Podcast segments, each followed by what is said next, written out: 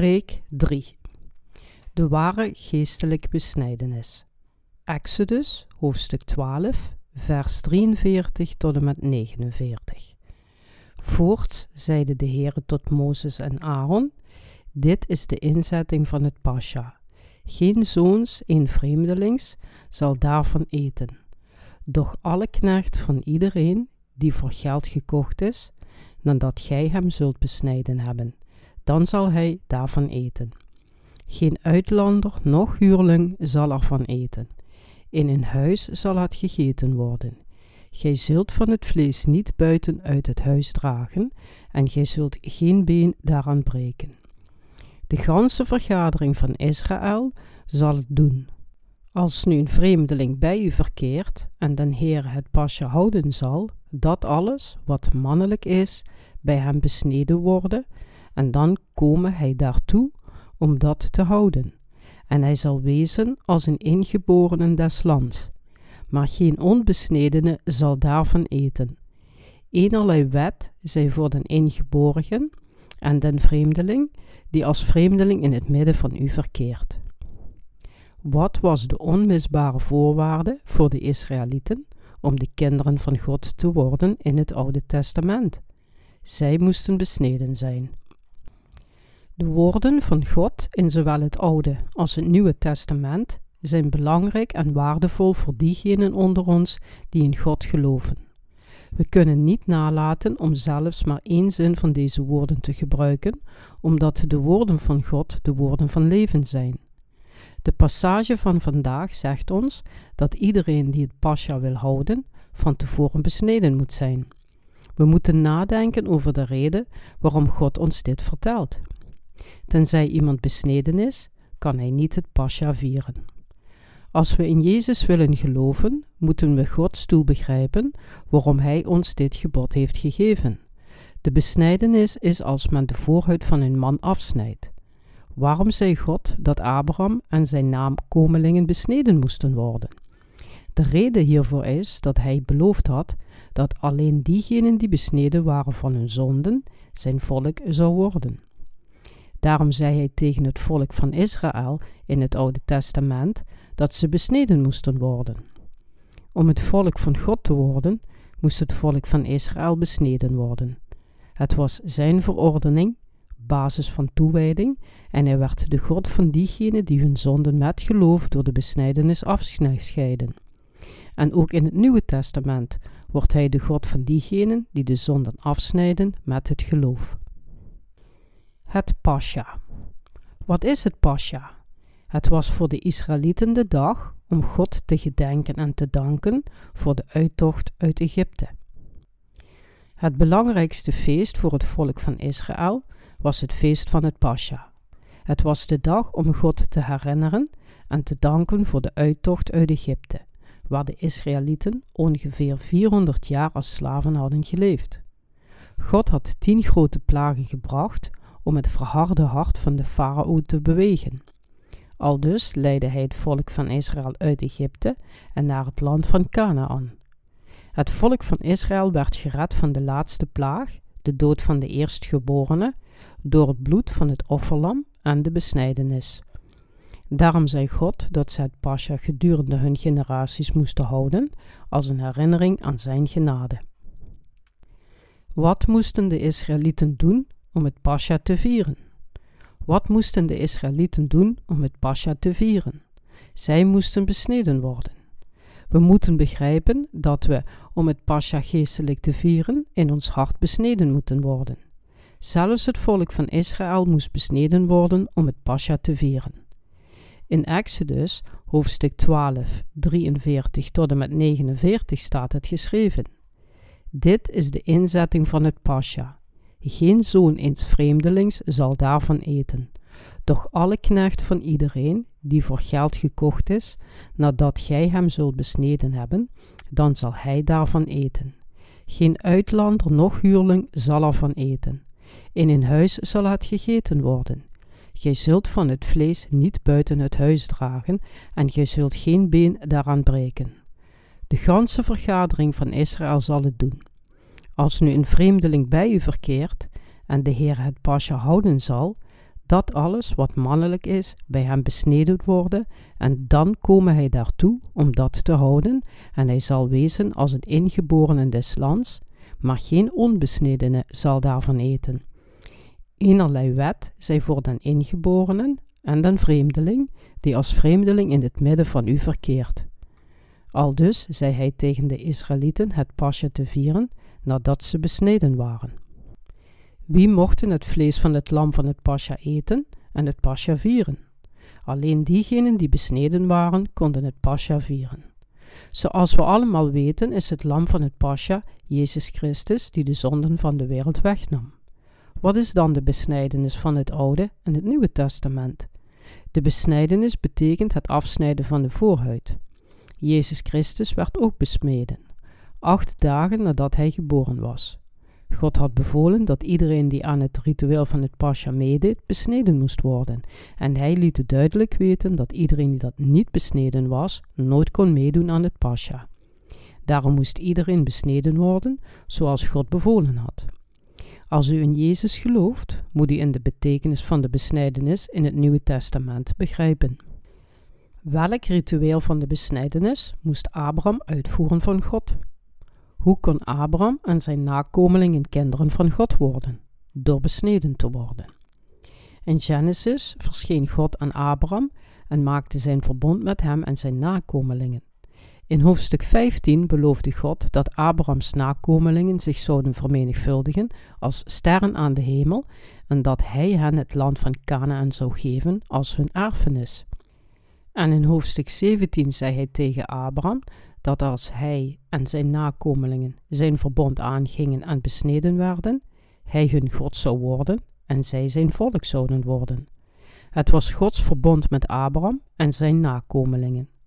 God beloofde dat als zij in zijn verbond geloofden en besneden waren, dit zou betekenen dat zij zijn volk waren geworden en dat hij inderdaad hun God zou zijn geworden.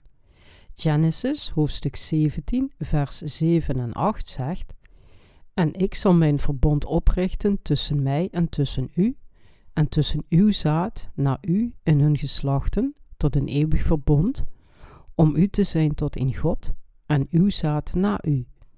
En ik zal u en uw zaad na u het land uw vreemdelingschappen geven, het gehele land Canaan, tot eeuwige inzetting, en ik zal hun tot een God zijn. De besnijdenis was het teken van Gods verbond met Abraham en zijn nakomelingen. Wat is de geestelijke besnijdenis? Wat is de geestelijke besnijdenis? Om alle zonden uit het hart te snijden door in het doopsel van Jezus te geloven. Omdat Abraham in het woord van God geloofde, maakte God hem rechtvaardig en zijn kind. Het was de besnijdenis dat het teken van het verbond tussen God en Abraham was. Dit is mijn verbond dat gij lieden houden zult tussen mij en tussen u en tussen uw zaad na u, dat al wat mannelijk is u besneden worden. Genesis hoofdstuk 17 vers 10 De fysieke besnijdenis betekent het afsnijden van de voorhuid. Geestelijk betekent het ook dat we al onze zonden aan Jezus doorgeven door ons geloof in zijn doopsel. We worden geestelijk besneden als we al onze zonden wegsnijden door de zaligmaking van Jezus' doopsel te accepteren. De besnijdenis in het Nieuwe Testament is om alle zonden door het doopsel van Jezus weg te snijden. Daarom is de besnijdenis in het Oude Testament het doopsel van Jezus in het Nieuwe Testament en beide zijn de verbonden van God die ons tot zijn volk maken. De besnijdenis in het Oude Testament en het doopsel van Jezus in het Nieuwe Testament zijn daarom hetzelfde. Net als de nakomelingen van Abraham het volk van God werden toen zij hun voorhuid afsneden, zo worden wij de kinderen van God als we alle zonden uit ons hart snijden we doen dit door te geloven dat er geen zonden in de wereld zijn, omdat Jezus alle zonden wegnam toen hij gedoopt werd door Johannes de Doper. Het doopsel van Jezus maakt alle zondaars rechtvaardig door hun zonden weg te snijden.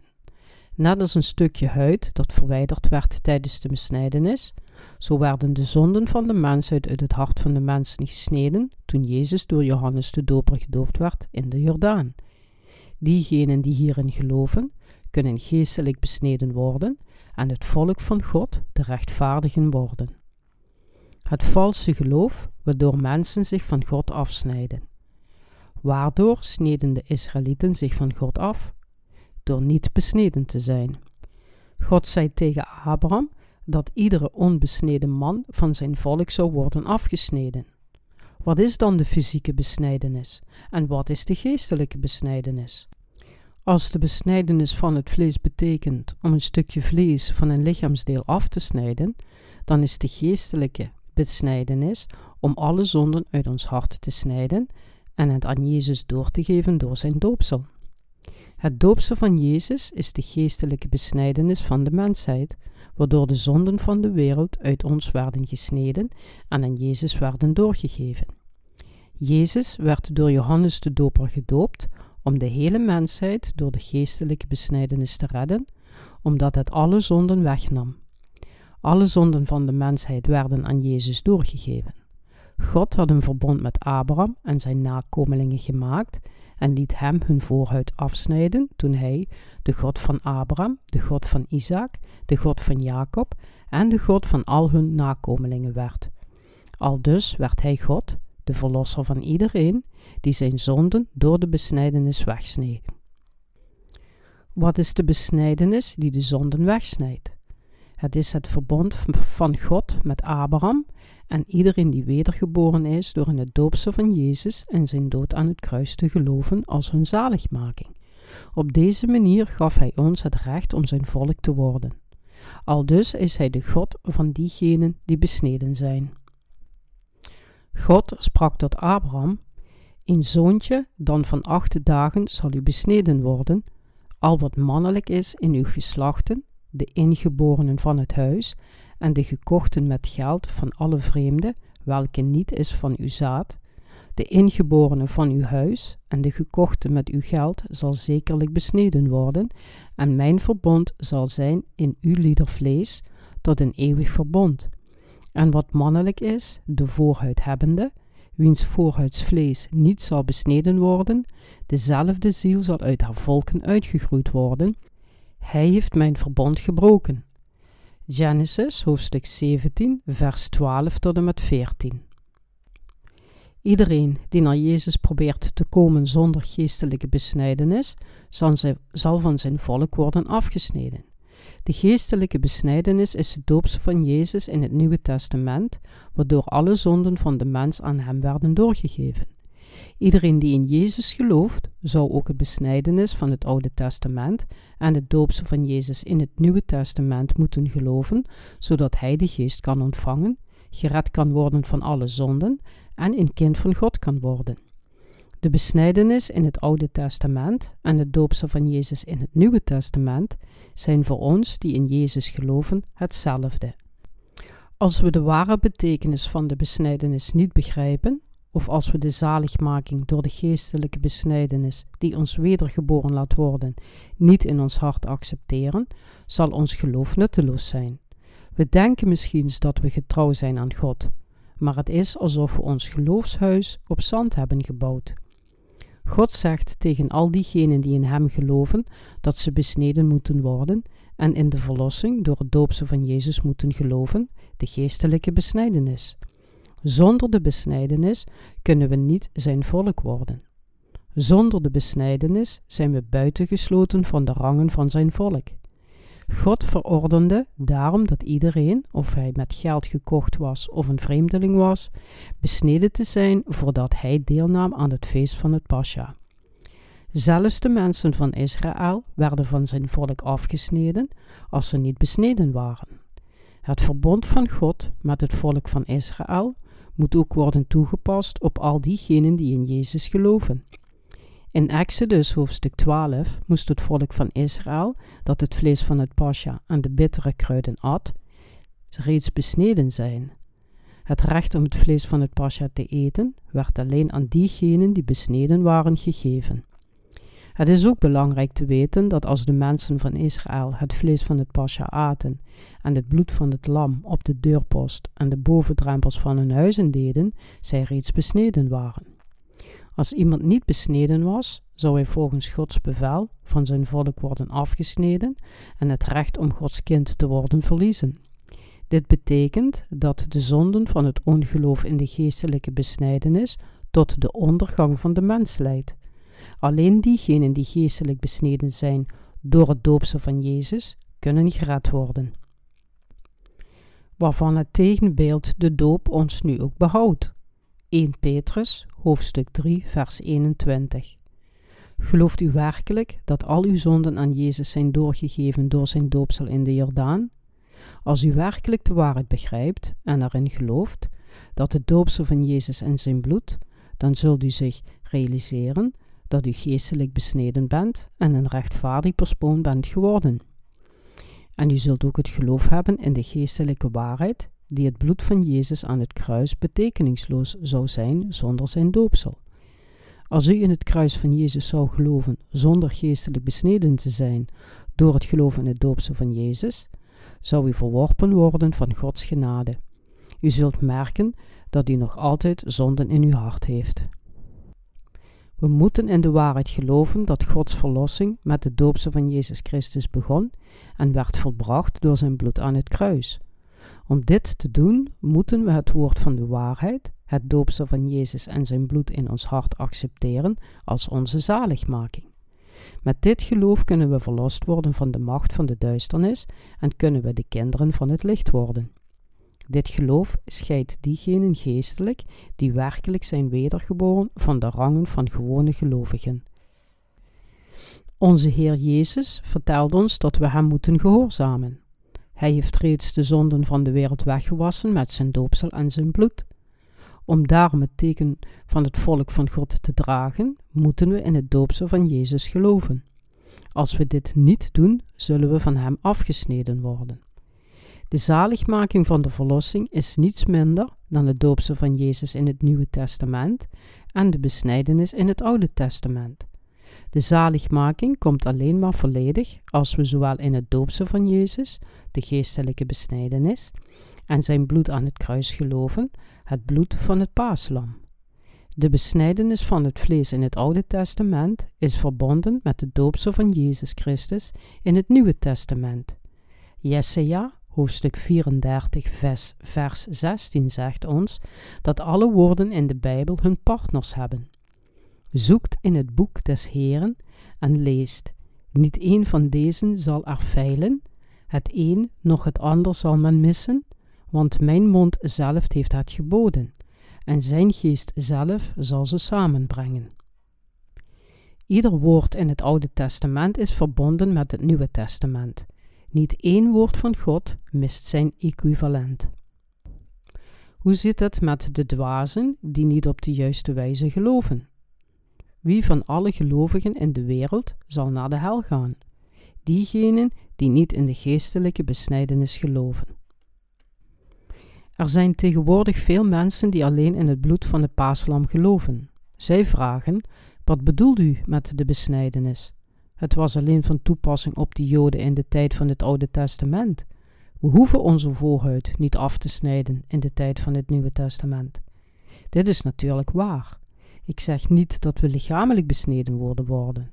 De apostel Paulus legde de geestelijke besnijdenis erg duidelijk uit en het is de besnijdenis van het hart waarna ik verwijs.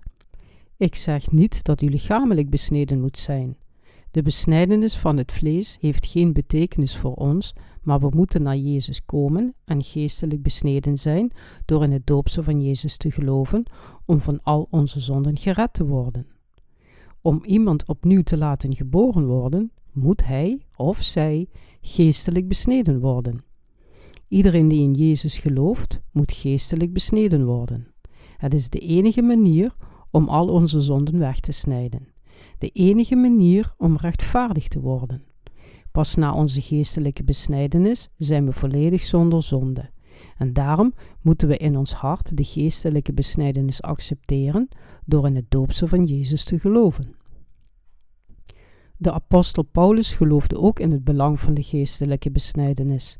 Hij zei: Besnijdenis is die van het hart. Romeinen hoofdstuk 2, vers 29. Iedereen moet geestelijk besneden worden om vrij te zijn van de zonde.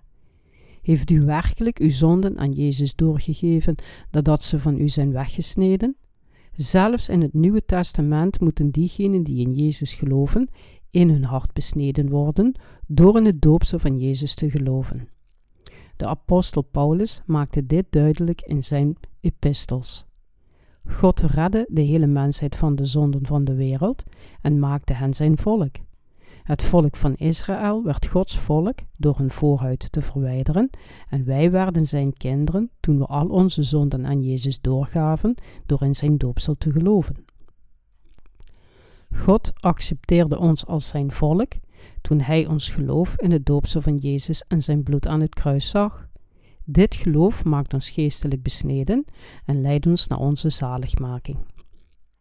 De zaligmaking voor zondaars door het doopsel van Jezus en zijn bloed. Hoe werd de zaligmaking door Jezus volbracht? Door zijn doopsel en zijn dood aan het kruis. De zaligmaking van Jezus Christus, dat volbracht werd door het water van zijn doopsel en zijn bloed aan het kruis, is voor zondaars. Het bloed van het lam was het oordeel en het doopsel van Jezus was de geestelijke besnijdenis die al onze zonden aan hem overdroegen. De christelijke kerken van vandaag moeten niet licht over deze geestelijke besnijdenis denken. Ook al betekent de besnijdenis in het Oude Testament tegenwoordig weinig. Het doopsel van Jezus mag nooit genegeerd worden. Ik zei u dat al uw zonden werden weggenomen door het doopsel van Jezus, en het doopsel van Jezus heeft u van al uw zonden gered. Gelooft u hierin? Als u het doopsel van Jezus negeert, zult u nooit het evangelie van de wedergeboorte kennen, het evangelie van de volledige verlossing door het doopsel van Jezus. Hoe kunnen we het doopsel van Jezus negeren, de geestelijke besnijdenis waar God ons van vertelt? Als we de Bijbel lezen, kunnen we zien dat de omstandigheden en het bloed van het paaslam nauw verbonden zijn. Dit is het geheim van de geestelijke besnijdenis, het doopsel van Jezus. Het evangelie dat door de apostel Johannes gepredikt wordt, was niets minder dan het evangelie van het doopsel van Jezus en zijn bloed aan het kruis. Hij zei in 1 Johannes hoofdstuk 5 vers 6 Deze is het die gekomen is door water en bloed, namelijk Jezus, de Christus, niet door het water alleen, maar door het water en het bloed. Hij zei dat Jezus door het water, het bloed en de geest kwam. Niet alleen door het water en niet alleen door het bloed, maar door het water, het bloed en de geest samen. Deze drie, het doopsel van Jezus, het bloed van Jezus aan het kruis en zijn herrijzenis van de dood, zijn één, het bewijs van onze zaligmaking. Waarom spreekt de Bijbel over het doopsel van Jezus en zijn bloed? Werd het volk van Israël alleen door het bloed van het paaslam gered? Nee, ze waren al besneden voordat zij het Pascha vierden. Het doopsel van Jezus en zijn bloed is wat ons toestaat om wedergeboren te worden uit het water en de geest. Exodus hoofdstuk 12 zegt: Neem een lam voor uzelf en neem er wat bloed van en doe dat op de deurposten en op de latij van uw huizen. Als ik het bloed zie, zal ik aan u voorbij gaan. Is het, nu dat we weten dan nog mogelijk dat we gered kunnen worden van al onze zonden door alleen in het bloed van het paaslam te geloven? Waarom wordt er dan zo vaak over het doopsel van Jezus gesproken in het Nieuwe Testament? De apostels zeiden, zeiden met hem begraven in den doop. Colonicensen, hoofdstuk 2, vers 12. Want zoveel als gij in Christus gedoopt zijt, hebt gij Christus aangedaan. Gelaten, hoofdstuk 3, vers 27 waarvan het tegenbeeld, de doop, ons nu ook behoudt. 1 Petrus, hoofdstuk 3, vers 21. De apostels Petrus en Paulus en alle andere discipelen van Jezus Christus spraken over het doopsel van Jezus. Het is het doopsel van Jezus in de Jordaan, waarna zij verwezen, en het is het geloof in het doopsel van Jezus en zijn bloed aan het kruis, dat de waarheid van de wedergeboorte is uit het water en de geest. Om u de waarheid te vertellen, ik geloofde langer dan tien jaar alleen in het bloed van Jezus, terwijl ik het doopsel van Jezus niet erkende. Maar deze kennis nam de zonden in mijn hart niet weg. Ik geloofde met mijn hele hart in Jezus, maar mijn hart was nog steeds vol van zonden. Na tien jaar ontdekte ik de betekenis van de geestelijke besnijdenis, het doopsel van Jezus, en werd wedergeboren. Toen pas besefte ik de waarheid. De besnijdenis in het Oude Testament symboliseert het doopsel van Jezus in het Nieuwe Testament. Ik geloofde het en dat doe ik nog steeds. Is het in het Nieuwe Testament het juiste geloof om in zowel het bloed van Jezus als ook in zijn doopsel te geloven? Is mijn geloof correct volgens de Bijbel? Nadat ik wedergeboren was, verbaasde ik me over deze dingen. Alhoewel ik in de boodschap van de doopsel van Jezus en zijn bloed geloofde, had ik nog altijd vragen. Is het juist om in de waarheid te geloven dat al mijn zonden aan Jezus waren doorgegeven toen hij gedoopt werd? Of is het juist om te geloven dat Jezus ons alleen door zijn bloed aan het kruis redde? Is het niet genoeg om gewoon te geloven dat Jezus mijn God en Verlosser is? Hierover dacht ik na terwijl ik Exodus hoofdstuk 12 las. Veel mensen lezen tegenwoordig Exodus hoofdstuk 12 en denken niet verder na over de verklaring dat Jezus Christus aan het kruis stierf als onze Verlosser. Zij denken dat het juist is om in het bloed van Christus te geloven en zij getuigen van de waarheid van hun overtuigingen. Zij geloven misschien op vastberaden wijze en zeggen dat de Heer Christus is en de Zoon van God, maar zij zijn nog altijd zondaars. Zij denken dat als zij geloven dat Jezus Christus de Verlosser is, zij gered zullen worden, ook al hebben ze zonden in hun hart. Dit soort geloof is niet het ware geloof. Dit geloof alleen kan hen niet helpen wedergeboren te worden. Alleen de doop van Jezus en zijn bloed maakt ons rechtvaardig. Wat betekent Exodus hoofdstuk 12 dan? Ik keek in de Bijbel en dacht: is het geen probleem als men alleen in het bloed van Jezus gelooft en zijn doopsel negeert? Nog voordat ik klaar was met het lezen van Exodus, ontdekte ik dat de waarheid van de zaligmaking niet alleen van het bloed van Christus is, maar ook van zijn doopsel. Door de Bijbel werd mij verzekerd dat we in ons hart besneden zijn door het doopsel van Jezus, als ook zijn bloed aan het kruis. Waarom zijn de meeste christenen nog altijd zondaars? Omdat zij niet in het doopsel van Jezus geloven. Ik realiseerde me in Exodus hoofdstuk 12, vers 47 tot en met 49, dat voordat iemand het vlees van het pasja mocht eten, hij besneden moest zijn. Daarom zegt God in vers 49: Enerlei, enerlei wet zij voor den ingeborenen en den vreemdeling, die als vreemdeling in het midden van u verkeert. Iemand die niet besneden is, kon daarom niet het vlees van het pasja eten. Dit is de waarheid die ik ontdekte. Op dezelfde manier moeten we, als we in Jezus als onze Verlosser geloven, eerst het feit accepteren dat al onze zonden aan Jezus werden doorgegeven door zijn doopsel in de Jordaan, en daarna moeten we het feit accepteren dat Jezus Christus aan het kruis stierf voor deze zonden. Toen ik me realiseerde dat Jezus aan het kruis was gestorven om te worden veroordeeld voor de zonden die hij door zijn doopsel had weggenomen, realiseerde ik me ook de betekenis van de geestelijke besnijdenis die ons redde van alle zonden en overtredingen van de wereld. Op dat moment realiseerde, realiseerde ik me dat al mijn zonden verdwenen waren. Mijn hart werd zo wit als sneeuw en ik nam uiteindelijk het evangelie van het water, het bloed en de geest op in mijn hart. Ik realiseerde me dat er twee dingen zijn die ons redden: de besnijdenis en het bloed van het lam in het Oude Testament en het doorgeven van alle zonden aan Hem door het doopsel van Jezus en zijn bloed aan het kruis in het Nieuwe Testament. De besnijdenis in het Oude Testament en het doopsel van Jezus in het Nieuwe Testament zijn werkelijk één en hetzelfde. Jezus Christus werd niet veroordeeld omdat hij zelf zonden beging, maar omdat hij alle zonden van de wereld door zijn doopsel wegnam. Diegenen die geloven dat Johannes de Doper, als de vertegenwoordiger van de mensheid, Jezus doopte en alle zonden van de wereld aan Jezus doorgaf, geloven zowel in het doopsel van Jezus en als zijn bloed aan het kruis. Waarom ontkennen zoveel mensen zijn doopsel, ook al wordt het herhaaldelijk in de Bijbel beschreven? Door dit te doen zijn ze nog altijd zondaars, ook al geloven zij in Jezus. Zij geloven misschien in Jezus, maar ze zijn nog altijd van God afgesneden. Ze zijn de zielige zondaars die naar de hel zullen gaan, ook al geloven zij in Jezus. Hoe kunnen zij nog steeds zondaars zijn als zij in Jezus geloven? Waarom leven zij als zondaars? Waarom lopen zij op het pad naar de vernietiging? Het is zo zielig.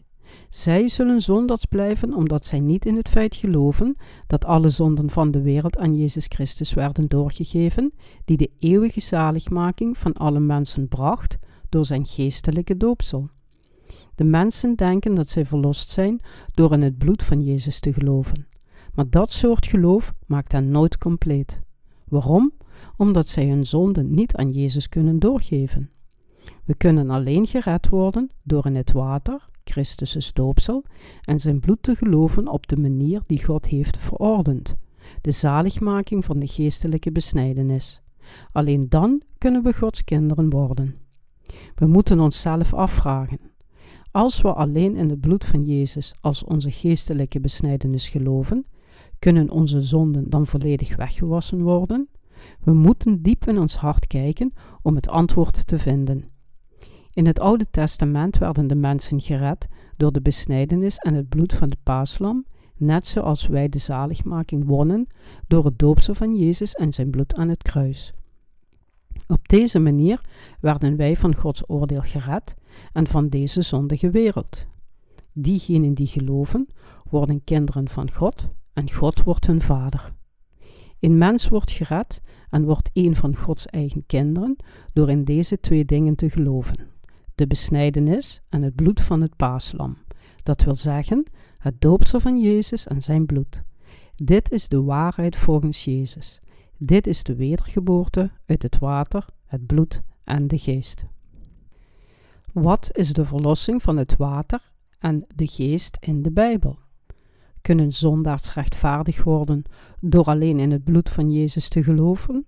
Nooit. Jezus liet zijn troon in de hemel achter en daalde naar deze wereld af. Hij werd gedoopt door Johannes de Doper toen hij dertig jaar was, om alle zonden van de wereld op zich te nemen. Het bloed van Jezus aan het kruis was zijn veroordeling voor de zonden van alle zondaars in de wereld. Jezus Christus kwam als de Verlosser naar deze wereld en redde alle zondaars van hun zonden door het water en het bloed. Zijn wij alleen uit het bloed wedergeboren? Nee. We zijn gered van de zonden door het doopsel van Jezus en zijn bloed. Ik zou een vraag willen stellen aan diegenen die alleen in het bloed van Jezus geloven. Kunnen zondaars rechtvaardig worden door alleen in het bloed van Christus te geloven? Of is het door zowel het doopsel van Jezus als ook zijn bloed aan het kruis? Is het door het geloof in zijn doopsel en bloed dat we al onze zonden aan Jezus hebben doorgegeven, of alleen door zijn bloed? Ik vraag u, wat is de waarheid?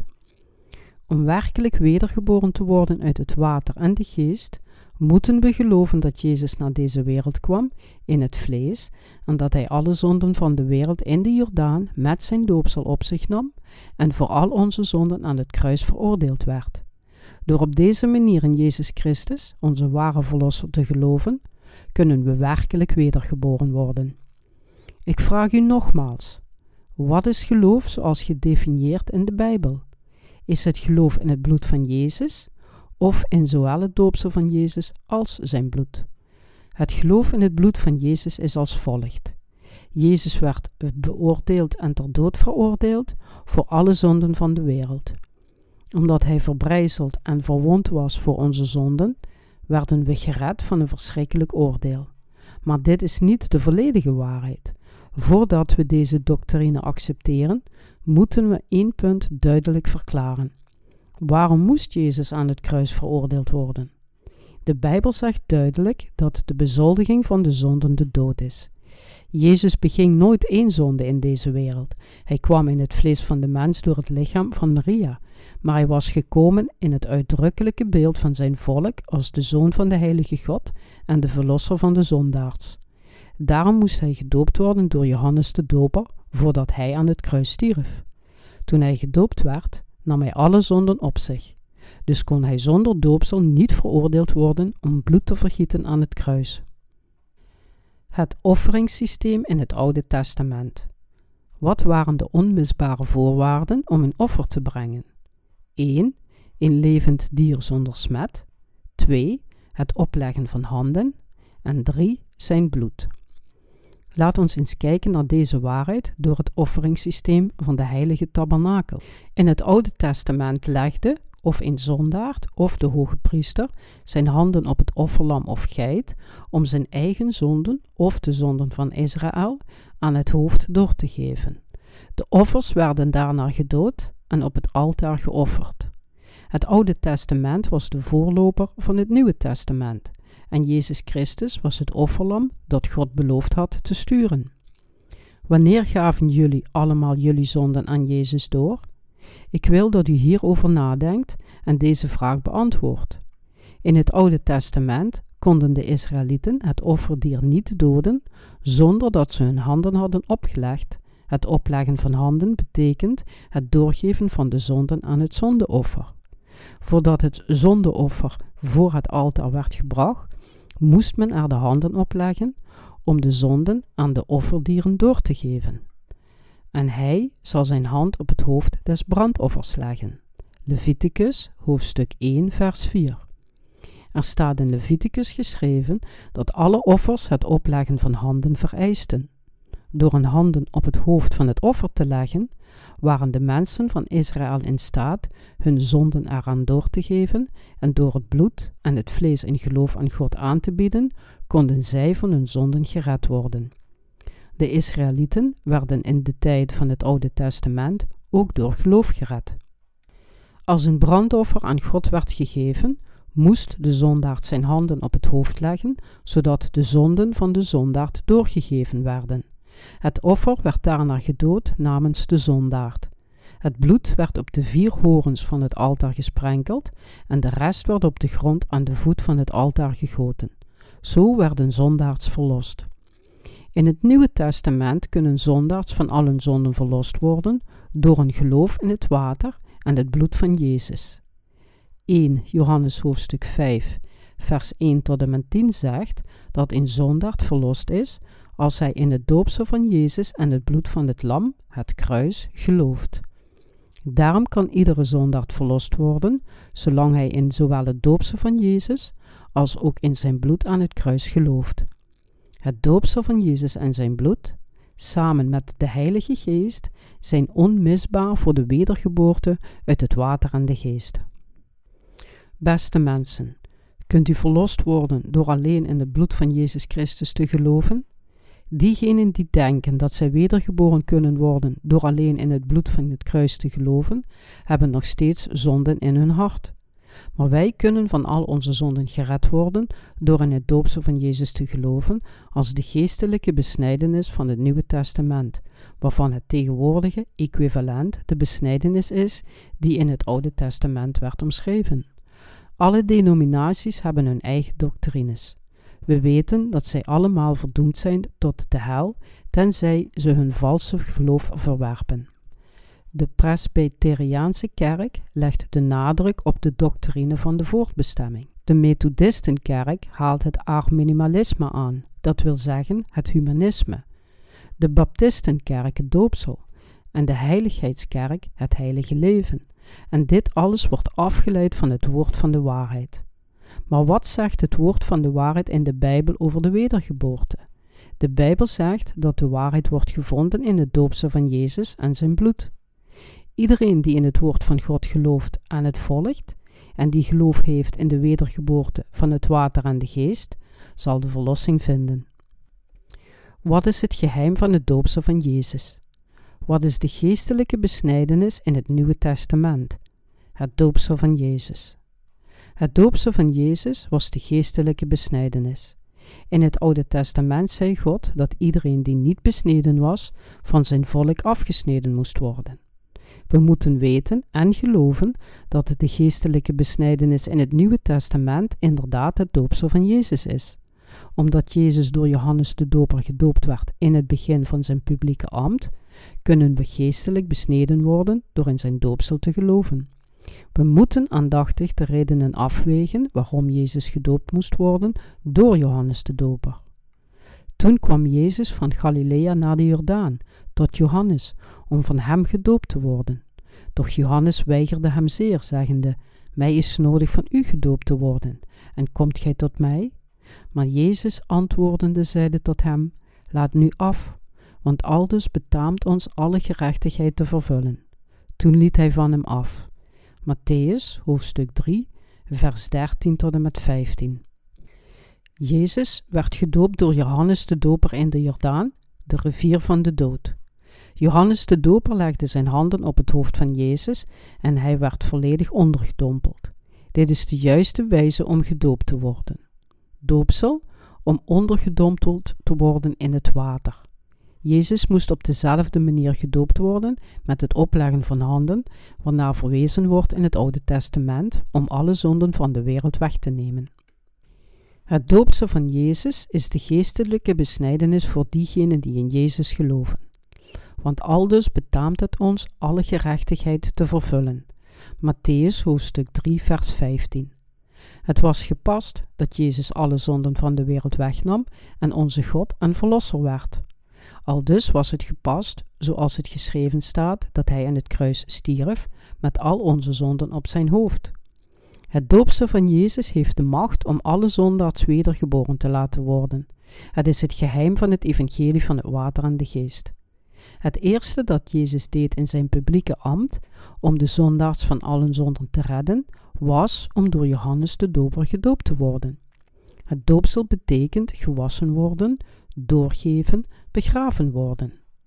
Door op de manier die God gebood gedoopt te worden, nam Jezus alle zonden van de wereld op zich. Ziet, het lam van God dat de zonden van de wereld wegneemt. Johannes, hoofdstuk 1, vers 29. Het doopsel van Jezus betekent dat alle mensen van de wereld die in Hem geloven, geestelijk besneden zijn. Later ging hij naar het kruis als het lam van God, die alle zonden van de wereld wegnam en die het oordeel voor alle zondaars accepteerde. Aldus heeft hij de hele mensheid van de zonden gered. Daarom is iedereen die in het doopsel van Jezus Christus gelooft, de besnijdenis van het Oude Testament en zijn bloed aan het kruis als hun zaligmaking, gered van alle zonden. Jezus Christus redde alle zondaars met zijn doopsel en zijn bloed. Dit is de waarheid van de geestelijke besnijdenis. Is zaligmaking alleen door het bloed? Nee, dat is het niet. Waarmee overwon Jezus de wereld? Door water en bloed. 1 Johannes hoofdstuk 5 vers 4 tot en met 8 zegt, Want al wat uit God geboren is, overwint de wereld. En dit is de overwinning die de wereld overwint, namelijk ons geloof. Wie is het die de wereld overwint, dan die gelooft dat Jezus is de Zoon van God?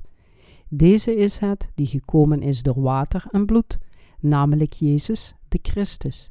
Niet door het water alleen, maar door het water en het bloed. En de geest is het die getuigt dat de geest de waarheid is. Want drie zijn er die getuigen in den hemel: de Vader, het Woord en de Heilige Geest. En deze drie zijn één. En drie zijn er die getuigen op de aarde: de geest en het water en het bloed. En, drie, en die drie zijn tot één. Beste christenen, wat is uw getuigenis aan Hem als uw Verlosser?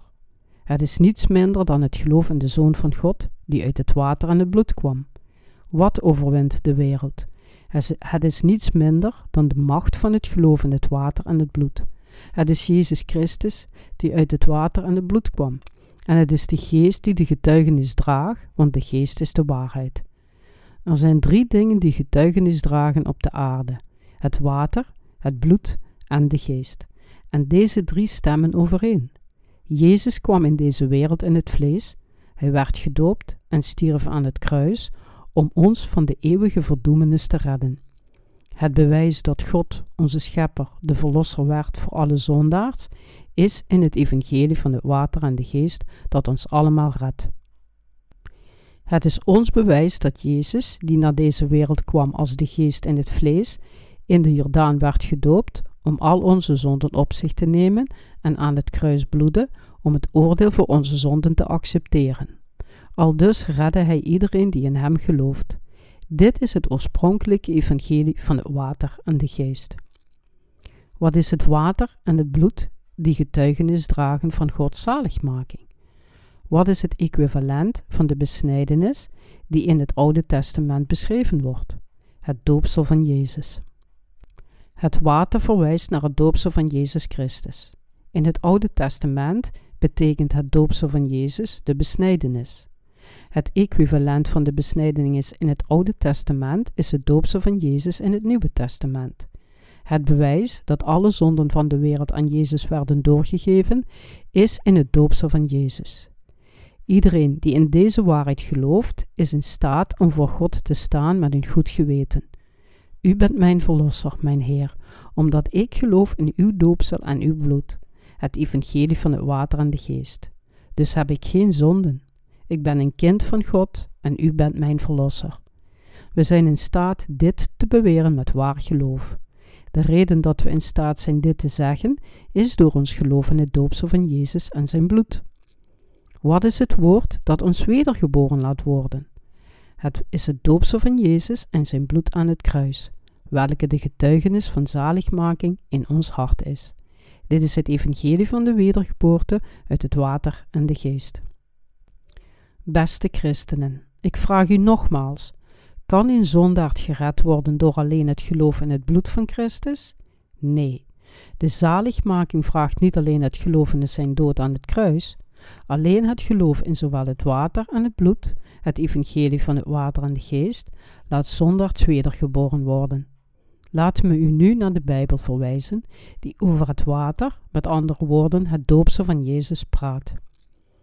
1 Petrus, hoofdstuk 3, vers 21 en 22 zegt, waarvan het tegenbeeld, de doop, ons nu ook behoudt, niet die een aflegging is der vuiligheid des lichaams, maar die een vraag is van een goed geweten tot God, door de opstanding van Jezus Christus, welke is aan de rechterhand Gods, opgevaren ten hemel, de engelen en machten en krachten hem onderdanig gemaakt zijnde. De apostel Petrus getuigde dat de doopsel van Jezus het tegenbeeld was dat ons redt. En het is ook het bewijs van de zaligmaking van zonden. Het doopsel van Jezus is het equivalent van de besnijdenis in het Oude Testament.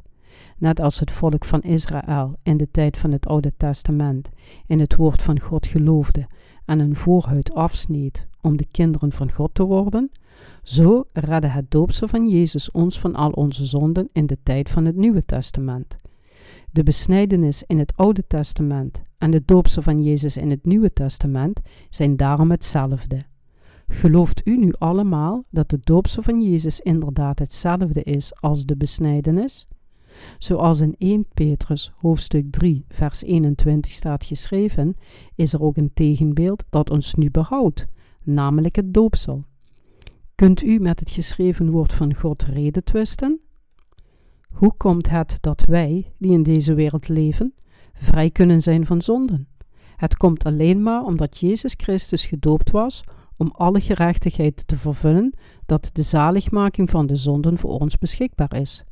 Matthäus hoofdstuk 3 vers 15 zegt, want aldus betaamt het ons alle gerechtigheid te vervullen. Omdat alle zonden van de wereld aan Jezus werden doorgegeven, is iedereen die in Hem gelooft nu zonder zonde. We kunnen allemaal rechtvaardig worden door de waarheid te accepteren dat al onze zonden aan Jezus werden doorgegeven door zijn doopsel. Jezus Christus nam al onze zonden op zich en stierf aan het kruis om ons van alle oordeel te redden. Beste vrienden, de twee dingen die alle zondaars van hun zonden redt, zijn het water en het bloed. De twee belangrijkste dingen die Jezus Christus voor ons deed tijdens de drie jaar van zijn publieke ambt in deze wereld, waren dat Hij onze zonden op zich nam en dat Hij voor ons aan het kruis stierf. Johannes hoofdstuk 1, vers 29 zegt: Ziet, het Lam van God dat de zonden van de wereld wegneemt. Jezus Christus werd gedoopt om alle zonden van de wensheid weg te nemen en hij stierf aan het kruis om voor onze overtredingen te verzoenen. Jezus is de Zoon van God en als de Schepper vervulde Hij het verbond van de besnijdenis die God in het Oude Testament maakte door de zonden van de wereld weg te nemen. Iedereen die in zijn hart in het evangelie van het doopse van Jezus, het water en het bloed gelooft, zal wedergeboren zijn uit het water en het bloed. En de Heer zal de verlosser worden voor iedereen die gelooft. Dank de Heer. Halleluja. Jezus vervulde onze zaligmaking zoals God beloofd had, en Hij redde ons van alle zonden van de wereld. Niet de verwijdering van de vuiligheid van het vlees. Wordt het vlees met de tijd geheiligd? Nee, het vlees blijft dagelijks zonden verzamelen totdat we sterven. 1 Petrus, hoofdstuk 3, vers 21 zegt, waarvan het tegenbeeld, de doop, ons nu ook behoudt. Niet die een aflegging is ter vuiligheid des lichaams, maar die een vraag is van een goed geweten tot God, door de opstanding van Jezus Christus. Als iemand in Jezus Christus als zijn verlosser gaat geloven, betekent dat niet dat hij geen zonden meer zal plegen met zijn vlees. We zullen blijven zondigen. Maar door in het doopse van Jezus te geloven, kunnen we al onze wereldlijke zonden aan Jezus, die er met zijn bloed aan het kruis voor betaalde, doorgeven. Doordat we in deze twee dingen als onmisbare elementen van onze zaligmaking geloven, zijn we gered van onze zonden. Wedergeboren zijn betekent Jezus in ons hart te verwelkomen als de Verlosser van de mensheid. De vergeving van de zonden wordt ook in ons hart verkregen. Als we in het doopse van Jezus en zijn bloed aan het kruis geloven, is ons hart wedergeboren, maar we blijven zonden en overtredingen begaan met ons vlees. Maar al onze zonden van het vlees zijn al vergeven. Het doopse van Jezus is de getuigenis voor iedereen die gered is. We zijn zonder zonden als we in de vergeving van de zonden geloven door Christus' doopsel. We zijn wedergeboren als we de waarheid van de zaligmaking door het doopsel van Jezus in ons hart nemen en worden rechtvaardig door het evangelie van het water en de geest. Dit is het geloof van Abraham in het Oude Testament. Het geloof van het rechtvaardig worden, waarvan de apostel Paulus sprak, en het tegenbeeld van de zaligmaking, waarvan de apostel Petrus getuigde. Evenals Abraham het woord van God hoorde en erin geloofde en rechtvaardig werd, zijn wij gered als we in het doopsel van Jezus en zijn dood aan het kruis geloven. Johannes hoofdstuk 1 vers 12 zegt, maar zoveel in hem aangenomen hebben, dien heeft hij macht gegeven kinderen Gods te worden, namelijk die in zijn naam geloven. Accepteert u Jezus Christus, degene die ons van al onze zonden redden door zijn doopsel en bloed als uw verlosser? We moeten de zaligmaking ontvangen die ons gegeven is door het water en het bloed van de Zoon van God. Komt de zaligmaking alleen door het bloed van Jezus Christus? Nee, het is door het water en het bloed van Jezus. In de Bijbel wordt duidelijk verklaard dat de zaligmaking niet alleen door het bloed van Jezus komt. Het komt door het doopsel van Jezus en zijn bloed. Het doopsel van Jezus is de geestelijke besnijdenis van het Nieuwe Testament. Het is de waarheid van de zaligmaking die al onze zonden van ons afsnijdt. Het feit dat hij voor de zonden van de wereld veroordeeld werd, betekent dat hij veroordeeld werd voor ons, voor u en mij. Door het evangelie van de vergeving van de zonden te ontvangen, het doopsel van Jezus en zijn bloed, zijn wij vrij van het oordeel van al onze zonden. Met ons geloof zijn we gered van al onze zonden die we in deze wereld begaan. Als we het doopsel van Jezus en zijn bloed als onze zaligmaking accepteren, worden alle zonden in ons hart weggewassen. Gelooft u? Ik hoop oprecht dat u allemaal in het evangelie van het water en de geest zult geloven. Geloof en verdien het eeuwige leven. De apostel Paulus zei: Besnijdenis is die van het hart. Romeinen hoofdstuk 2, vers 29. Hoe kunnen we in ons hart besneden zijn? We kunnen geestelijk besneden zijn als we in de komst van Jezus Christus naar deze wereld in het vlees geloven, in zijn doopsel om alle zonden van de wereld weg te nemen, in zijn dood aan het kruis voor onze zonden en in zijn herrijzenis van de dood. De apostel Paulus zei dat de besnijdenis die van het hart is. De besnijdenis van het hart betekent dat men gelooft in het doopsel van Jezus en zijn bloed. Als u besneden wil worden in uw hart, dan moet u het evangelie van het doopsel van Jezus en zijn bloed in uw hart opnemen. Alleen dan kunnen we werkelijk Gods kinderen worden. Was Johannes de Doper door God gezonden? Wie was Johannes de Doper? Hij was de vertegenwoordiger van de mensheid en de laatste hoge priester in de lijn van Aaron. Hier moeten we ons afvragen wie Johannes de Doper, die Jezus Christus doopte, was. Johannes de Doper was de vertegenwoordiger van de hele mensheid.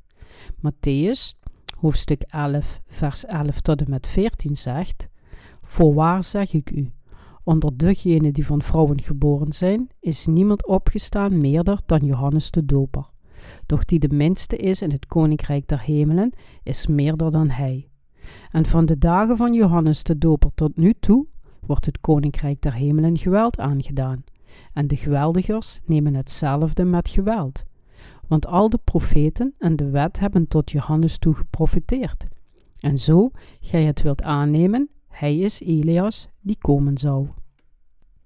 Beste christenen, Jezus zegt dat er geen meerdere is opgestaan onder die van vrouwen geboren zijn dan Johannes de Doper. Met de geboorte van Johannes de Doper was het tijdperk van het eerste verbond van God, het tijdperk van het Oude Testament, voorbij.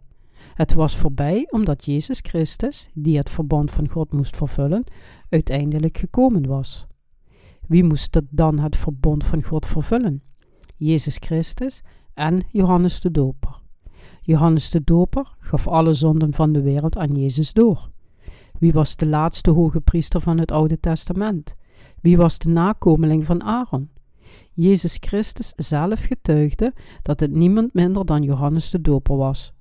Johannes de Doper was de vertegenwoordiger van de hele mensheid, de meerdere onder die van vrouwen geboren. Laat ons eens over de feiten nadenken. Mozes, Abraham, Isaac en Jacob waren alle geboren van vrouwen. Maar wie is de grootste onder hen die van vrouwen geboren is, zowel in het Oude als ook in het Nieuwe Testament? Het is Johannes de Doper. Johannes de Doper, als de laatste profeet van het Oude Testament en in nakomeling van Aaron, doopte het lam van God in het Nieuwe Testament op dezelfde manier als dat Aaron zijn handen op het zondeoffer legde op de grote verzoendag in het Oude Testament. Hij doopte Jezus Christus en gaf alle zonden van de wereld aan Jezus door. Hij was een dienaar van God. Hij vervulde de geestelijke besnijdenis in het hart van de hele mensheid door Jezus Christus te dopen. Samen met de doopsel van Jezus moeten we in zijn bloed geloven als de getuigenis van onze zaligmaking. Jezus Christus nam alle zonden van de wereld weg door zijn doopsel en hij werd daarvoor veroordeeld. Het enige wat wij hoeven te doen is erin te geloven. Het is Gods wil dat we geloven in wat Jezus deed. Wanneer u het evangelie van de wedergeboorte uit het water en de geest in uw hart heeft opgenomen, kunt u een nakomeling van Abraham worden en een kind van God. Er zijn er maar een paar die in Christus zijn, terwijl er velen zijn die hem nog niet in hun hart hebben geaccepteerd. De dag is bijna afgelopen en de duisternis valt. Geloof in het doopsel van Jezus en sta hem toe uw hart binnen te komen. Uw geloof in het doopsel van Jezus en zijn bloed zal u zegenen met de geestelijke zaligmaking. Denk er altijd aan dat de geestelijke zalving komt als u in het evangelie van de zaligmaking, het evangelie van het doopsel van Jezus en zijn bloed gelooft. Ik weet dat u weet dat u een geestelijke lamp kunt voorbereiden.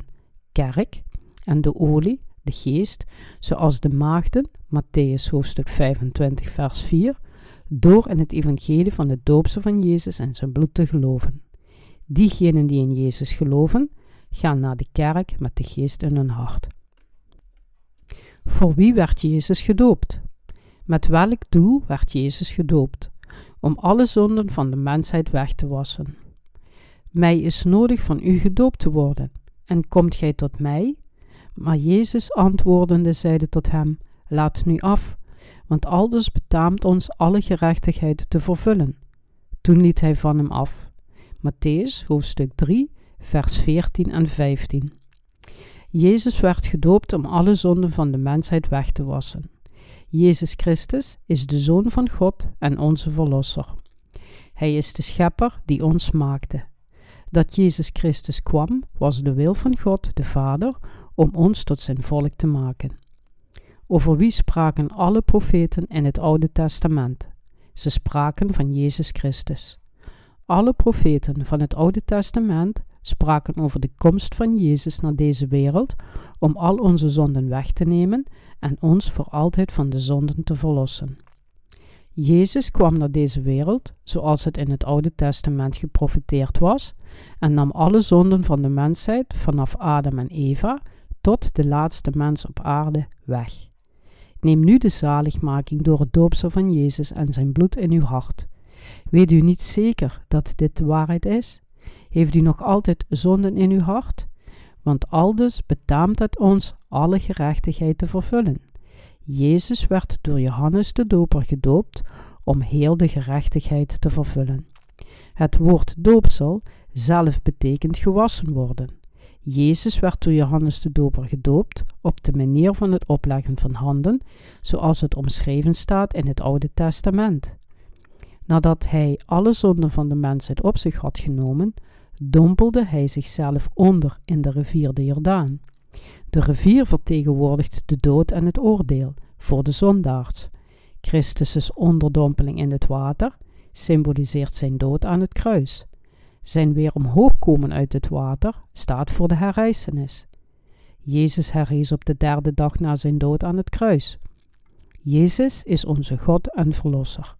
Het feit dat Jezus naar deze wereld kwam om gedoopt te worden, dood te bloeden aan het kruis, op de derde dag te herrijzen en nu aan de rechterkant van God zit, is het duidelijke bewijs dat Hij de hele mensheid van de dood redde. Gelooft u oprecht in deze waarheid? Het doopsel van Jezus is de geestelijke besnijdenis van het Nieuwe Testament.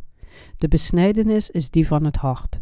De besnijdenis van het hart wordt volbracht als we in het doopsel van Jezus geloven, de waarheid van het doorgeven van al onze zonden aan Jezus. De besnijdenis van het hart is de erkenning van het doopsel van Jezus, waardoor wij al onze zonden aan Jezus doorgaven. Bent u in uw hart besneden? Als u in de besnijdenis van het hart gelooft, zullen uw zonden voor eens en altijd weggewassen zijn. Met dit doel vervulde Jezus heel de gerechtigheid en verzekerde hij de zaligmaking voor alle zondaars. Beste christenen, neem dit bewijs van de zaligmaking in uw hart en gedachten. Dit is de waarheid. Op het moment dat u de zaligmaking van Jezus in uw hart neemt, zult u van al uw zonden bevrijd zijn. Maar zoveel in hem aangenomen hebben, dien heeft hij macht gegeven kinderen Gods te worden, namelijk die in zijn naam geloven. Johannes hoofdstuk 1, vers 12. Kunt u nu zien waarom Jezus naar deze wereld moest komen om gedoopt te worden? Geloven jullie nu hierin? Jezus werd gedoopt om alle zonden van de hele mensheid weg te nemen. Het was het doopsel van de besnijdenis. Het doopsel van Jezus geeft ons de geestelijke besnijdenis. Daarom zegt de apostel Paulus ons dat we besneden moeten zijn in ons hart. Jezus redde ons zo duidelijk met zijn doopsel en bloed dat we geen andere keuze hebben dan het in ons hart te geloven. We moeten ja zeggen en amen tot het woord van God in ons hart. Is dat niet de waarheid? Gelooft u erin? Accepteert u deze waarheid in uw hart? Wat moeten we doen voordat we Jezus aanbidden? We moeten de waarheid van het water en het bloed in ons hart nemen. Het is bijna 2000 jaar geleden sinds Jezus naar deze wereld kwam. In deze tijd van Gods genade moeten we de waarheid in ons hart nemen, het water en het bloed van Jezus. We kunnen niets anders doen. De besnijdenis is die van het hart. We moeten door het geloof in ons hart besneden worden. We kunnen alleen gered worden door geloof. In het Oude Testament werden de Israëlieten gered door de besnijdenis en het bloed van het pascha dat op de deurposten en de latijn van hun huizen werd gesmeerd. Diegenen die in het doopsel van Jezus en zijn bloed als hun zaligmaking geloven, zijn niet bang voor het oordeel van God, omdat het aan hen voorbij zal gaan. Maar het oordeel van God zal over iedereen vallen die de waarheid niet in hun hart nemen. Er zijn velen die nutteloos in Jezus geloven en die dus nog steeds de slaaf van hun zonden zijn. Hoe zijn zij in deze staat terechtgekomen? Waarom lijden zij nog steeds aan de zonden? Het komt alleen maar omdat zij niet de waarheid van het doopsel van Jezus en zijn bloed kennen. Zij geloven alleen in het bloed van Jezus, terwijl ze zijn doopsel weglaten of over het hoofd zien. Is de zaligmaking verkrijgbaar door het eenvoudige geloof in het bloed van Jezus alleen? Zegt de Bijbel dat? Wat zegt het Oude Testament en het Nieuwe Testament hierover? Volgens de Bijbel wordt de zaligmaking niet alleen door het bloed van het Lam van God verkregen, maar ook door het doopsel van Jezus. 1 Johannes, hoofdstuk 5, vers 3 tot en met 6. Gelooft u alleen in het bloed van Jezus? Diegenen die het doen, hebben nog altijd zonden in hun hart. Zij moeten hun verkeerde geloof overwinnen en terugkeren naar het ware evangelie. Ongelovigen moeten nu erkennen dat zij misleid zijn, terwijl ze niet weten dat Jezus alle zonden in de Jordaan wegnam door zijn doopsel. Zij moeten toegeven dat zij het bij het verkeerde eind hadden toen ze het doopsel van Jezus niet wilden accepteren. Zij moeten het in hun hart nemen dat Jezus alle zonden van de wereld door zijn doopsel wegnam. De zaligmaking is alleen verkrijgbaar als we zowel in het doopsel van Jezus als in zijn kruis geloven. Met andere woorden, alleen door het evangelie van het water en de geest zijn we in staat om het eeuwige leven te verkrijgen. Beste christenen, hebben jullie tot nu toe geleefd terwijl jullie alleen afhankelijk waren van het geloof in het bloed van Jezus? Dan heeft u zeker zonden in uw hart. Als u zondigt, dan heeft u zonde in uw hart. Als u denkt dat u vrij van zonden bent wanneer u volgens de wet van God leeft, is dat slechts een gevoel dat uit uw emoties komt. Deze overtuiging is niet in overeenstemming met het woord van God. Het is nog niet te laat. Waarvan maakt de waarheid ons vrij? Van de wet van de zonde en dood. Het is nog niet te laat. Geloof in het doopsel van Jezus en zijn bloed, en u zult in uw hart besneden en vrij van alle zonden worden. Vrij worden van alle zonden betekent dat u gered bent door in het evangelie van het doopsel van Jezus en zijn bloed te geloven. Bent u bereid om in het doopsel van Jezus te geloven en zijn bloed voor de zaligmaking van uw zonden? Wanneer u gelooft, zult u leren wat de zaligmaking voor iets is. U zult gemoedsrust ontvangen. Alleen dan zult u rechtvaardig worden. Niet door uw werken, maar door uw geloof in het woord van God. Ik zou diegenen onder u die nog altijd alleen in het bloed van Jezus voor zijn zaligmaking geloven en erop rekenen, willen aanraden om in zowel het doopsel van Jezus als ook zijn bloed te geloven. Beste christenen, de volledige zaligmaking van de mensheid van de zonden werd vervuld door het evangelie van het doopsel van Jezus en door zijn bloed. De geest is God. God kwam naar deze wereld in het vlees van de mens. God zei door de profeten dat we zijn naam Jezus moesten roepen, want hij ging zijn volk van hun zonden redden. God zei: De maagd zal zwanger worden en een zoon baren, en gij zult zijn naam heten Immanuel, het welk is, overgezet zijnde, God met ons. Matthäus hoofdstuk 1, vers 23. God kwam naar deze wereld om de zondaards te redden. Hij werd gedoopt om alle zonden van de wereld weg te nemen en dus alle zondaars te redden. Dit is de waarheid en de zaligmaking van het water en het bloed. Ik ben hier om u dit te vertellen. Zijn we gered door alleen het bloed van Jezus? Natuurlijk niet. We zijn gered door het doopsel van Jezus en zijn bloed aan het kruis. Er zijn zoveel valse profeten en ketters tegenwoordig die niet in het doopsel van Jezus geloven. Jezus zei: en zult de waarheid verstaan, en de waarheid zal u vrijmaken. Johannes hoofdstuk 8, vers 32. We moeten de waarheid kennen. We moeten weten waarom Jezus over zijn doopsel praatte en waarom wij erin moeten geloven. We moeten weten waarom God het volk van Israël zei dat ze besneden moesten worden in het Oude Testament en waarom hij over het bloed van het paaslam sprak. Als we slechts een deel van de waarheid kennen, kunnen we nooit de waarheid herkennen. Jezus zei: Voorwaar, voorwaar zeg ik u, zo iemand niet geboren wordt uit water en geest, hij kan in het koninkrijk Gods niet ingaan. Johannes hoofdstuk 3, vers 5. Gedoopt zijn in Christus. Hoe kunnen we ons met de dood van Christus verenigen? door al onze zonden aan Jezus door te geven door zijn doopsel. De Bijbel getuigt van het geheim van de zaligmaking. Is het door het bloed van Jezus alleen? Nee, het is door zijn bloed en zijn doopsel samen. De apostel Paulus sprak hier vaak over in Romeinen hoofdstuk 6 en ook in vele andere epistels. Laten we Romeinen hoofdstuk 6, vers 3 tot en met 8 lezen. Of weet gij niet dat zoveel als wij in Christus Jezus gedoopt zijn, wij in zijn dood gedoopt zijn? We zijn dan met hem begraven door den doop in den dood, opdat gelijkerwijs Christus uit de doden opgewekt is tot de heerlijkheid des Vaders, alzo ook wij in nieuwigheid des levens wandelen zouden. Want indien wij met hem een plant geworden zijn in de gelijkmaking zijn doods, zo zullen wij het ook zijn in de gelijkmaking zijner opstanding, dit wetende dat onze oude mens met hem gekruisigd is, opdat het lichaam der zonden teniet gedaan worden, opdat wij niet meer de zonden dienen. Want die gestorven is, die is gerechtvaardigd van de zonde. Indien wij nu met Christus gestorven zijn, zo geloven wij dat wij ook met Hem zullen leven.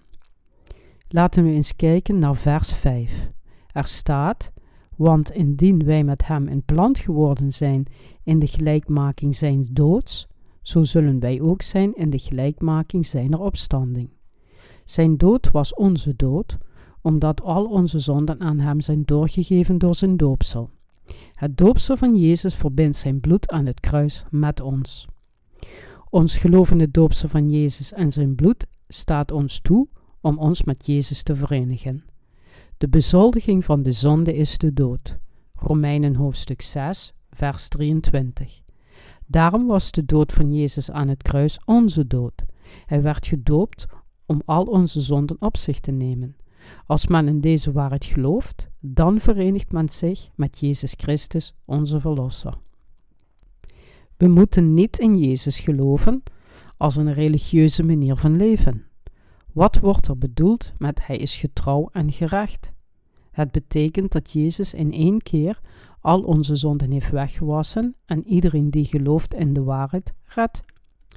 Veel mensen geloven in Jezus als een religieuze manier van leven. Dus gaan ze naar de kerk en huilen hun ogen uit terwijl ze bidden en berouw tonen. Iedere dag biechten ze en vragen ze om vergeving. Zij bidden: Jezus, ik weet en geloof dat u aan het kruis voor me stierf. Ja, ik geloof. Zij begrijpen de volgende passage duidelijk verkeerd. Indien wij onze zonden beleiden, hij is getrouw en rechtvaardig dat hij ons de zonde vergeven en ons reinigen van alle ongerechtigheid. 1 Johannes, hoofdstuk 1, vers 9. Zij beweren dat zij iedere dag vergeven moeten worden van hun zonden door het biechten van zonden. Maar de zonde in de bovenstaande passage betekent niet triviale dagelijkse overtredingen. Wat de passage betekent is dat wij vergeven zijn van onze zonden voor eens en altijd als we biechten dat we nog niet gered zijn. Zo is het dan het geloof uit het gehoor en het gehoor door het woord Gods. Romeinen hoofdstuk 10 vers 17 en u zult de waarheid verstaan en de waarheid zal u vrijmaken. Johannes hoofdstuk 8, vers 32. Beste christenen, de waarheid is duidelijk. Als jullie geloven dat Jezus aan het kruis stierf zonder al onze zonden weg te nemen door zijn doopsel in de Jordaan, is jullie geloof nutteloos. Als een christen van al zijn zonden gered wil worden, moet hij geloven dat zijn zonden voor eens en altijd aan Jezus doorgegeven werden door zijn doopsel in de Jordaan en dat hij het oordeel nam voor al onze zonden aan het kruis. Met andere woorden, we zouden zowel in het doopsel van Jezus als ook in zijn bloed moeten geloven. En de zaligheid is in geen anderen, want er is ook onder den hemel geen andere naam, die onder de mensen gegeven is, door welke wij moeten zalig worden. Handelingen, hoofdstuk 4, vers 12. Jezus Christus nam al onze zonden door zijn doopsel en hij werd onze verlosser. Jezus kwam door het water en het bloed om ons van de eeuwige verdoemenis te redden. Want met het hart gelooft men ter rechtvaardigheid en met den mond beleidt men ter zaligheid. Romeinen hoofdstuk 10, vers 10. Bent u een zondaard? of een rechtvaardig persoon. Gelaten, hoofdstuk 3, vers 27 zegt: Want zoveel als gij in Christus gedoopt zijt, hebt gij Christus aangedaan. Dit vers vertelt ons de waarheid dat Jezus gekruisigd werd, nadat hij alle zonden van de wereld op zich had genomen door zijn doopsel. Hij herrees van de dood op de derde dag en zit nu aan de rechterhand van God. Hij werd de Heer van de zaligmaking voor iedereen die in hem gelooft. Als Jezus niet gedoopt was en als hij niet voor ons aan het kruis gebloed had, zou hij niet onze verlosser zijn geworden. We kunnen alleen gered worden als we in het evangelie van het water en de geest geloven. Zelfs de zoon van Mozes. Waarom probeerde God Mozes te doden op de weg naar Egypte? Omdat hij zijn twee zonen niet besneden had. Beste mensen, u luistert naar het geheim van de verlossing van al uw zonden door het water en het bloed van Jezus. Het is een wonderbaarlijke zegening om naar deze woorden van God te kunnen luisteren. Is het alleen het bloed van Jezus Christus? In de tijd van het Oude Testament werden mensen de nakomelingen van Abraham door de besnijdenis en het bloed van het paaslam. Nu worden we het volk van God door in het doopsel van Jezus en zijn bloed te geloven. God heeft ons door Mozes het bewijs hiervan in het Oude Testament gegeven. Om het volk van Israël te redden, sprak God tot Mozes en vertelde hem zijn volk uit Egypte te halen. Dus verliet Mozes het land van Midian met de toestemming van zijn schoonvader Jethro en ging richting Egypte met zijn vrouw en zonen. Toen hij zijn familie op een ezel zette, bezocht de Heer hem in zijn kamp en probeerde hem te doden. Maar zijn vrouw Sephora kende de reden. Zij nam een scherpe steen en sneed de voorhuid van haar zoon af en wierp het voor de voeten van Mozes en zei: Voorwaar, gij zijt mij een bloedbruidegom. Dus liet God hem gaan. Dit was zijn manier om te zeggen dat hij zeker iemand zou doden, zelfs de zoon van Mozes, als hij niet besneden was. De besnijdenis was voor het volk van Israël het teken van het verbond met God. Zij wisten dat God zeker iemand van zijn volk zou afsnijden, zelfs de zoon van de leider, als hij niet besneden werd. Om te vermijden dat zijn zoon afgesneden zou worden, waarschuwde God Mozes daarom op deze manier.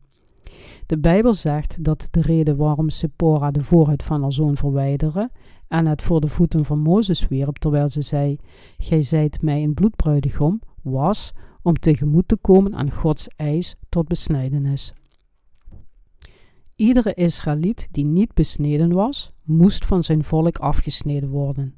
Alleen diegenen die besneden waren, mochten het vlees van het paaslam eten en in dienst treden als het volk van God. De apostel Paulus was een Hebreeër. Hij werd acht dagen na zijn geboorte besneden, studeerde bij de grote rabbi Gamiel en begreep precies waarom Jezus Christus gedoopt was in de Jordaan en waarom hij gekruisigd moest worden. Dus schreef de apostel Paulus in al zijn epistels over het doopsel van Jezus. De apostel Paulus praat ook vaak over het bloed van Jezus als de volbrenging van onze zaligmaking. Het bloed, het bloed was slechts de laatste fase van zijn verlossing, terwijl de ware geestelijke besnijding is het doopsel van Jezus was. Het heeft geen zin om het bloed van Jezus te benadrukken zonder zijn doopsel. De apostel Paulus sprak vaak direct over het kruis van Jezus. Waarom?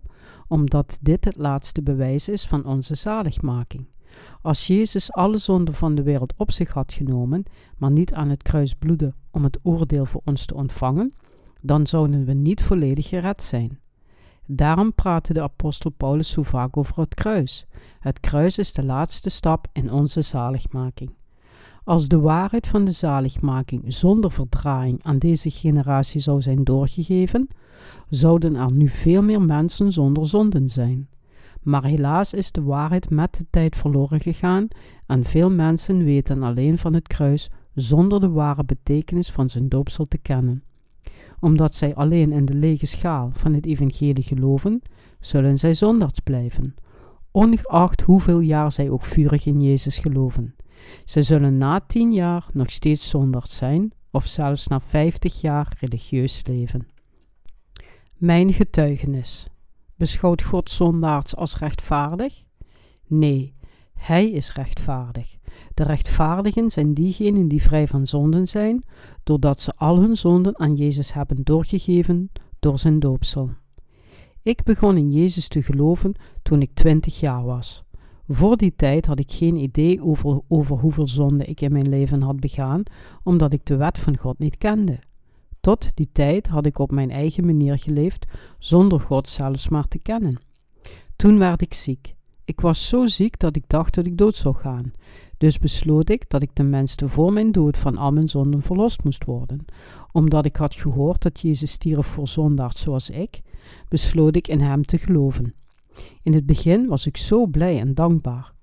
Maar na een tijdje begon, ik het, begon het gevoel te vervagen. Na een paar jaar kon ik niet anders dan iedere dag nieuwe zonden begaan. Ik werd steeds weer een zondaard. Na tien jaar was ik nog steeds een zondaard, feitelijk een grotere zondaard dan voorheen. Ik geloofde al tien jaar in Jezus en het feit dat ik een zondaard was veranderde nooit. Ik was zowel een gelovige als ook een zondaard. Ook al zong ik, huilen zal me niet bewaren, hoewel mijn gezicht vol tranen is, konden mijn angsten niet bedaren, nog hebben ze weggewassen de zonden van jaren. Huilen zal me niet bewaren. Ik huilde iedere keer als ik zondigde. Beste God, vergeef alstublieft deze ene zonde. Vergeef me deze ene keer en ik zal het nooit meer doen. Nadat ik me gezondigd had, bad ik drie dagen lang. Ik sloot mezelf op in een kamer en vastte en bad voor drie dagen. Omdat mijn geweten me pijnigde, huilde ik en vroeg ik Gods vergeving. Op de derde dag begon ik me beter te voelen en dacht ik dat ik weer kon worden toegelaten in Zijn aanwezigheid. Weer heb ik mijn zonden weggewassen. Halleluja. Dus kwam ik weer naar buiten en leefde een tijdje weer ijverig. Maar al gauw zondigde ik weer en mijn wanhoop groeide. Ik bleef dit mistroostige proces keer op keer herhalen. Het voelde in het begin zo goed om in Jezus te geloven, maar hoe langer ik geloofde, hoe hoger mijn zonden zich opstapelden, net als stof in een ongebruikte kamer. Na tien jaar was ik een ergere zondaard geworden dan ik in het begin was. Waarom geloofde ik zo vroeg in mijn leven in Jezus? Het zou veel gemakkelijker zijn geweest om in Jezus te geloven als ik tachtig was, net voordat ik stierf. Dan zou ik me niet bewust zijn van de zonde en zou ik niet iedere dag hoeven te berouwen.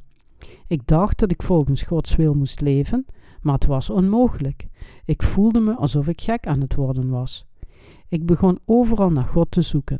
Ik bracht een hoop tijd door met het studeren van theologie, maar na een paar jaar werd mijn hart zelfs nog onvruchtbaarder.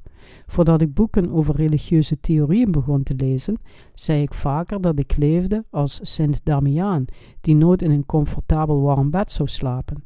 Ik had beloofd dat, dat ik nooit meer zou genieten, maar mezelf volledig zou toewijden aan de behoeftigen. Toen ik over het leven van deze heilige las, beloofde ik plechtig dat ik net als hem zou leven. Ik probeerde een monnikachtig bestaan te leven. Ik knielde op harde betonnen vloeren en bad urenlang. Ik had dan het gevoel dat mijn gebeden meer betekenis hadden en ik voelde me naderhand beter. Maar na tien jaar kon ik het niet meer aan.